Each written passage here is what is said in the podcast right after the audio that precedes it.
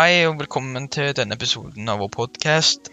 I dag skal vi diskutere og fortelle litt om hvordan det er å være flyktning. Hva flyktninger går gjennom. Hvordan flyktninger blir transportert, altså menneskesmugling. Hvordan det er å leve i en flyktningleir. Eh, og hvordan menneskerettighetene til flyktninger i hovedsak blir brutt. Du hører på podkast fra Oliver Halvorsen og Ferdinand Kahn Andersen. Ja, OK. Eh, så Ferdinand, tenker du at det har blitt eh, mer flyktninger og asylsøkere nå opp gjennom åra enn det det var før? Jo, Oliver. Flyktninger og asylsøkere har alltid vært en stor del av det globale samfunnet vårt. Men i dag, med klimaendringer og økonomisk ustabilitet i mange land, så har flyktninger og asylsøkere i verden nådd rekordhøyder. Ifølge FNs høykommissær for flyktninger så har det vært i 2020 mer enn 82,4 millioner mennesker som var tvunget til å forlate hjemmene pga. konflikt eller forfølgelser. Ja, da kan jo jeg gå over til menneskesmugling. Eh, for menneskesmugling det er jo en annen realitet for eh, flyktninger. Eh, smuglerne da, de utnytter seg ofte av depresjonen som flyktninger får, eh, og tilbyr de farlige og kostbare måter å krysse grenser til land eller hav på. da. Ofte er jo disse reisene veldig farlige og kan føre til alvorlige konsekvenser, eh, inkludert tap av liv. da. For Ofte så kommer de jo med sånne småbåter, sånn gummibåter. da.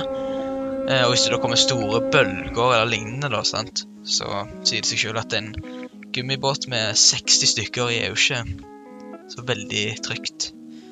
Eh, og smuglerne tjener jo veldig store penger på denne handelen. da. Eh, og det er ofte de mest sårbare og fattige menneskene som går med på menneskesmuglingen, og så blir utnytta av de som smugler de, da. Men du, Olvar, jeg har hørt litt sånn om flyktningleirer. Kanskje du tar og forteller oss litt mer om det? Jo, det kan jeg godt. Eh, Moria-leiren var en flyktningleir på øya Lesovs i Hellas. Eh, og den Leiren den ble etablert i 2015, og det var jo for å gi midlertidig husly til flyktninger og migranter som ankom øya etter å ha kryssa Egeerhavet fra Tyrkia. da. Eh, leiren var egentlig meint for å ha en kapasitet på 3000 mennesker men eh, beboerne økte veldig raskt til over 20 000 mennesker. Eh, og forholdene i leiren ble etter hvert veldig katastrofale, da. For det sier seg jo sjøl, hvis en leir kun har plass til 3000, og det kommer 20 000 mennesker, så er det jo ja, litt vanskelig, da. Eh, og mange av beboerne i Moria-leiren var barn og kvinner. og de bodde i overfylte telt og containere.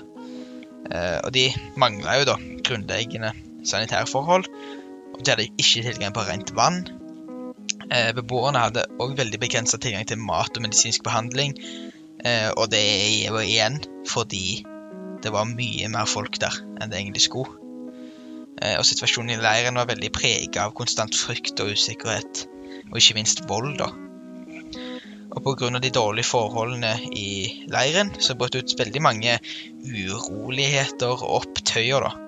Eh, beboerne protesterte mot de elendige forholdene og manglene eh, på beskyttelse og hjelp fra myndighetene. Fordi det var ikke så veldig mye hjelp å få der heller. Eh, det var veldig mange voldelige sammenstøter mellom beboerne og politiet. Det var veldig vanlig. Og leiren ble ofte ramma av branner og ødeleggelser, da. Og så har jeg òg hørt det at Moria-leiren brant ned, og at de har måttet bygd en ny leir. Eh, har du noe kjennskap til det, Ferdinand? Ja, Alvar. I september 2020 brøt det ut en stor brann i Moria-leiren.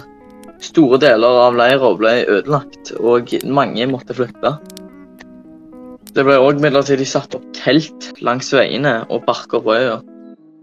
Brannene førte til økt oppmerksomhet fra verdenssamfunnet og forholdene i Moria-leiren og andre flyktningleirer i Europa. Jo, for eh, etter den store brannen da, så er det blitt gjort forsøk i hvert fall, på å forbedre forholdene eh, til flyktningene på Lesvos. Eh, men situasjonen forblir egentlig utfordrende, da. Eh, For tusenvis av flyktninger og migranter fortsetter å bo i overfylte leirer på øya, eh, og det er fortsatt mangel på husly, mat og drikke, da. Og ikke minst helsetjenester. Eh, Og Moria-leiren er jo da et eksempel på hvordan konflikt og forfølgelse i hjemland kan føre til at så mange mennesker må flykte og søke trygghet i andre land, fordi at de rett og slett ikke kan oppholde seg i sitt eget land. Eh, Men også hvordan eh, mangelen på evne eller vilje eh, kan håndtere flyktningkrisen på en humanitær måte. Og hvordan det kan føre til at mennesker som allerede er traumatisert, opplever enda mer lidelse og usikkerhet. Jeg vil bare nevne det at det er faktisk veldig mange organisasjoner som jobber for å forbedre situasjonen eh, for flyktninger og asylsøkere. Eh, og det inkluderer UNHCR, Amnesty International og Redd Barna. Eh, Disse organisasjonene da, de gir både nødhjelp, medisinsk hjelp, juridisk støtte og utdanningsmuligheter til flyktninger over hele verden, eh, og inkludert i Moria-leiren. Eh, UNHCR står for United Nations High Commissioner for Refugees, eh, og det er FNs organ for flyktninger. Organisasjonen arbeider for å beskytte og hjelpe flyktninger og asylsøkere. Eh, ja, og UNHCR gir både nødhjelp, mat, vann, ly og medisinsk hjelp til de som akutt er i nød. da. Eh, de jobber òg for langsiktig hjelp, som er å tilby utdanning og jobbmuligheter for å hjelpe flyktninger med å oppbygge livene sine. da. Eh, Så har vi Amnesty International, eh, og det er da en organisasjon En global menneskerettighetsorganisasjon som arbeider for å beskytte menneskerettighetene til alle, og det inkluderer da flyktninger og asylsøkere. Organisasjonen driver med kampanjer for å sette søkelys på urettferdighet, og for å endre lover og praksiser som bryter menneskerettighetene.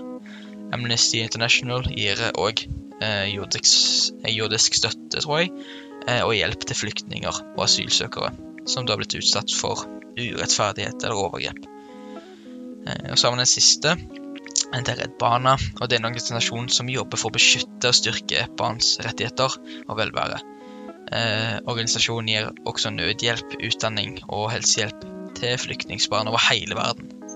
Redd Barna fokuserer òg spesielt på de mest sårbare gruppene, eh, som enslige mindreårige, asylsøkere da, og barn som har blitt utsatt for vold eller overgrep.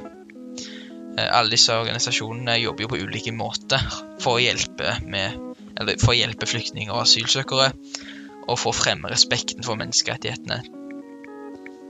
Eh, Det er veldig viktig at vi støtter disse organisasjonene, slik at de kan fortsette å utføre viktig arbeid, eh, og for å hjelpe noen av de mest sårbare og marginaliserte menneskene i hele verden.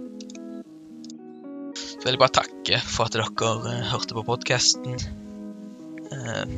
Og gjerne støtt de organisasjonene, da, for å kunne hjelpe med videre arbeid og utvikling. For å hindre sånne menneskerettighetsbrudd fra å skje, da. Så takk for oss.